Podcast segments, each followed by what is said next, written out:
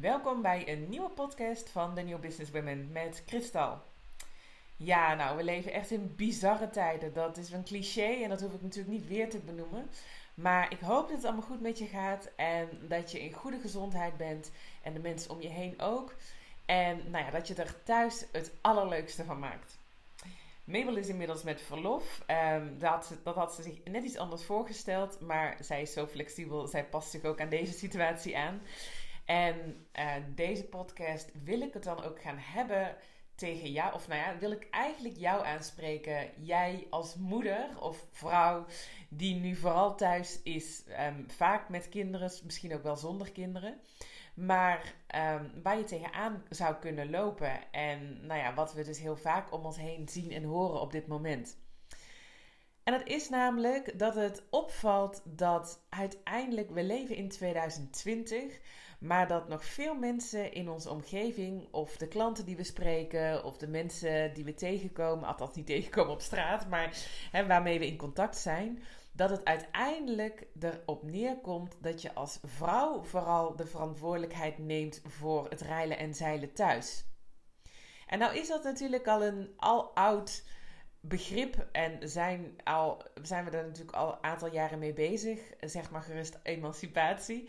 En we denken vaak dat het niet nodig is in deze maatschappij en in deze tijd. Maar dit is zo'n voorbeeld dat het dus toch maar weer blijkt dat het niet vaak genoeg gezegd kan worden. En dat als jij op dit moment het gevoel hebt dat je thuis alle ballen hoog houdt. En dat jij vooral je druk maakt over bijvoorbeeld het onderwijs van de kids. Of bijvoorbeeld dat je eigenlijk het hele werk en het huishouden om het werk van je partner heen aan het organiseren bent. En je wil dat anders. Dan is deze podcast voor jou. Want het is allereerst echt een ontzettend mooie eigenschap natuurlijk van, van, van jou als vrouw, als, als mens, dat je zorgzaam bent. En dat je uh, belangrijk vindt hoe het gaat thuis. En waarschijnlijk weet je als geen, ene, geen ander hoe belangrijk het is om ook de juiste balans te houden. En ook genoeg aandacht en rust te hebben en te creëren ook thuis. Nou, wij hebben zelf um, allebei een jong gezin. Dat wil zeggen, Mabel is natuurlijk nu zwanger van de tweede. Uh, kan elk, uh, over drie weken is ze uitgerekend. En zij heeft dan een dochter van vier, Lena. En ik, en natuurlijk een man, Rob. of natuurlijk, ze heeft een man, Rob. En ik zelf heb een, een jongetje van drie verder. En Lola, zij is uh, vier maanden op dit moment. Nou, en toen wij het nieuws allebei hoorden van het feit dat we dus thuis zouden werken en natuurlijk ons team daarmee ook, gingen we als eerste eigenlijk aanstaan op: oké, hoe kunnen we dit samen zo goed mogelijk organiseren? En dan bedoel ik niet samen Mabel en ik, maar hoe kunnen we dit samen thuis, als in onze Robs, we hebben allebei een Rob overigens, eh, die heten allebei toevallig Rob. hoe kunnen we dit gaan aanpakken? En dus gingen we het gesprek ook aan vanuit: oké, weet je, um, wat heb jij uh, nodig aan werk? Wat zou jij graag willen werken deze week? Um, wat, wat heb ik uh, nodig? Hoe kunnen we dat samen voor elkaar krijgen? En dit lijkt echt een open deur om het zo aan te pakken. Maar het blijkt dat dat helemaal niet zo'n open deur is. Want wat gebeurt er vaak? Vaak heb je misschien toch het gevoel: oké, ik moet het gaan oplossen. En vervolgens um, kom je met een heel plan en een structuur. Uh, hoe je het voor elkaar kunt gaan krijgen dat in ieder geval je partner het werk door kan blijven doen.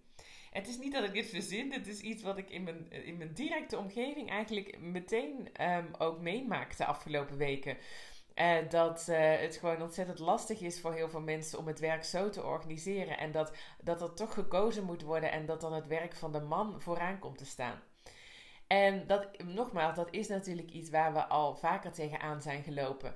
Uh, wat wij ook heel vaak hebben gezien de afgelopen jaren, is dat als we vrouwen gingen coachen naar, um, naar, nou ja, naar allemaal werk of ambitieuze vrouwen met, met goede werkervaring of opleidingen of die echt zin hadden om te gaan werken. Um, en uh, die vervolgens kinderen kregen, dan uh, die mensen hebben wij dus gecoacht. En dan gebeurde het heel vaak dat eigenlijk het een coaching op zich was om voor elkaar te krijgen dat jij net zo belangrijk bent in het huishouden als je partner. En dat jouw ambitie en jouw werk en alles wat je zou willen doen net zo belangrijk is. Niet belangrijker of minder, nee, gewoon gelijkwaardig. En daar hebben we ontzettend veel vrouwen in gecoacht. En nu zien we dat eigenlijk dus weer gebeuren. Dat toch veel mensen het moeilijk vinden om voor zichzelf dit uh, voor elkaar te krijgen. Dat ook hun werk en hun behoeftes, ook als je nu geen werk hebt bijvoorbeeld. En ook als je ondernemer bent en het lijkt alsof jij je eigen tijd kunt indelen. Dus dat jij dus maar moet aanpassen. Soms, dat, dat is gewoon heel vaak niet zo. Je hebt ook nog je eigen behoeftes en je eigen ontwikkeling je eigen groei. Dus um, dat is iets wat, um, wat ons weer opviel. Dat dat dus op dit moment ook weer aan de orde is. En dan valt je ook op hoe, hoe het ook anders kan. En ik vind het wel fantastisch om te zien dat bij de mensen, bij onze medewerkers, bijvoorbeeld bij Safa en bij Shirin, dat zij op dezelfde manier als wij reageerden. Dus zij gaan om tafel met hun man om te vragen: oké, hoe gaan wij dit oplossen? in plaats van dat je al met een oplossing komt en het gevoel hebt. Het gevoel hebt vooral dat je zelf die verantwoordelijkheid moet nemen. En soms kan het natuurlijk ook niet anders. Soms moet je gewoon samen een keuze maken dat het nu even niet anders is. Dat jij bijvoorbeeld meer bij de kinderen bent. Of dat jij wat meer thuis bent. Of misschien is het juist wel andersom. Maar het gaat om het gevoel dat je niet zelf al die verantwoordelijkheid hoeft te dragen om het thuis en waar dan ook goed geregeld te hebben. Die grote verantwoordelijkheid die is natuurlijk ontzettend mooi. Maar op het moment dat het uh, voortkomt vanuit een niet goed genoeg voelen anders en het voortkomt vanuit uh, dat, dat, die energie, dan zul je altijd die ongelijkwaardigheid behouden. In ieder geval in je hoofd. En klinkt dit voor jou nu heel verrassend in de oren, dat, dat, dat dit nog steeds gebeurt of dat, dat, dat, dat dit zo wordt ervaren? Dan wil ik je echt uitnodigen om eens stil te staan bij alle momenten dat je eigenlijk zelf het idee hebt dat jij de oplossing ergens voor moet verzinnen. Dat je zelf eigenlijk met die ballast loopt en dat je het pas deelt met iemand anders die ook betrokken is bij de situatie, als het niet anders kan. Want dat gebeurt zo ontzettend vaak. En eigenlijk is het vooral een mindset ding.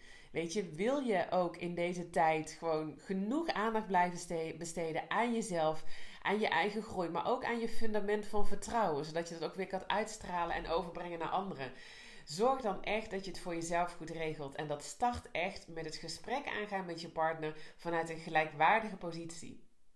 En zit je nu in zo'n zo'n positie en denk je van ja, ik ben hier inderdaad echt alles voor elkaar aan het boksen. Misschien wel ook omdat je, je partner een vitaal beroep heeft. Ehm, kijk dan eens wat het met je doet als je je partner uitnodigt vanavond of wanneer dan ook. En dat van tevoren dus aankondigt voor een gesprek. Dat je echt aangeeft: oké, ik wil echt even om tafel zitten hoe we deze periode vanuit ons allebei zo goed mogelijk en zo energievol mogelijk door kunnen komen. En nogmaals, het lijkt een open deur, maar kijk maar eens wat het doet en wat het creëert als je dus wat lading geeft aan het gesprek. Dat je jezelf dus belangrijk maakt hierin en dat je dus vanuit een gelijkwaardige manier ook dat gesprek aangaat, zonder dat jij al de oplossingen bedacht moet hebben. Goed, nou, ik hoop dat ik je hiermee ook heb kunnen motiveren om dat te doen. Want uiteindelijk gaat het erom hoe goed je voor jezelf zorgt. Zo goed kun je vooral daarna voor je omgeving zorgen. En juist ook in deze tijd is het zo belangrijk dat we met z'n allen stilstaan bij een stuk bezinning, bij wat voor je belangrijk is. En als je van s ochtends tot s avonds laat helemaal onder of vol zit met werk en, en of met het werk thuis of met het huishouden of whatever, of je kinderen of, of ik weet niet waar allemaal meer mee, dan kom je daar bijna niet aan toe. En op een gegeven moment gaat die emmer vol raken en op een gegeven moment komen de muren op je af.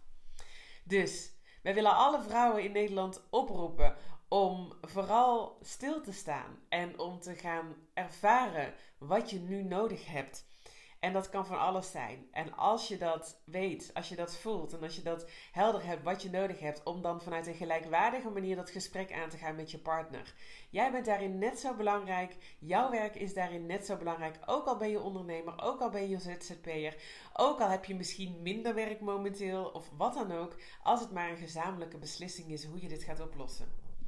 Ik hoop, of soms, misschien is dit een podcast ten overvloede voor jou en denk je van nou, ik heb het al lang zo georganiseerd. Deel dan vooral ook met ons in de comments wat jij doet om dit voor elkaar te krijgen. Hoe jij vol energie blijft thuis en hoe jij zorgt dat je krijgt wat je nodig hebt, want dat kan anderen enorm inspireren.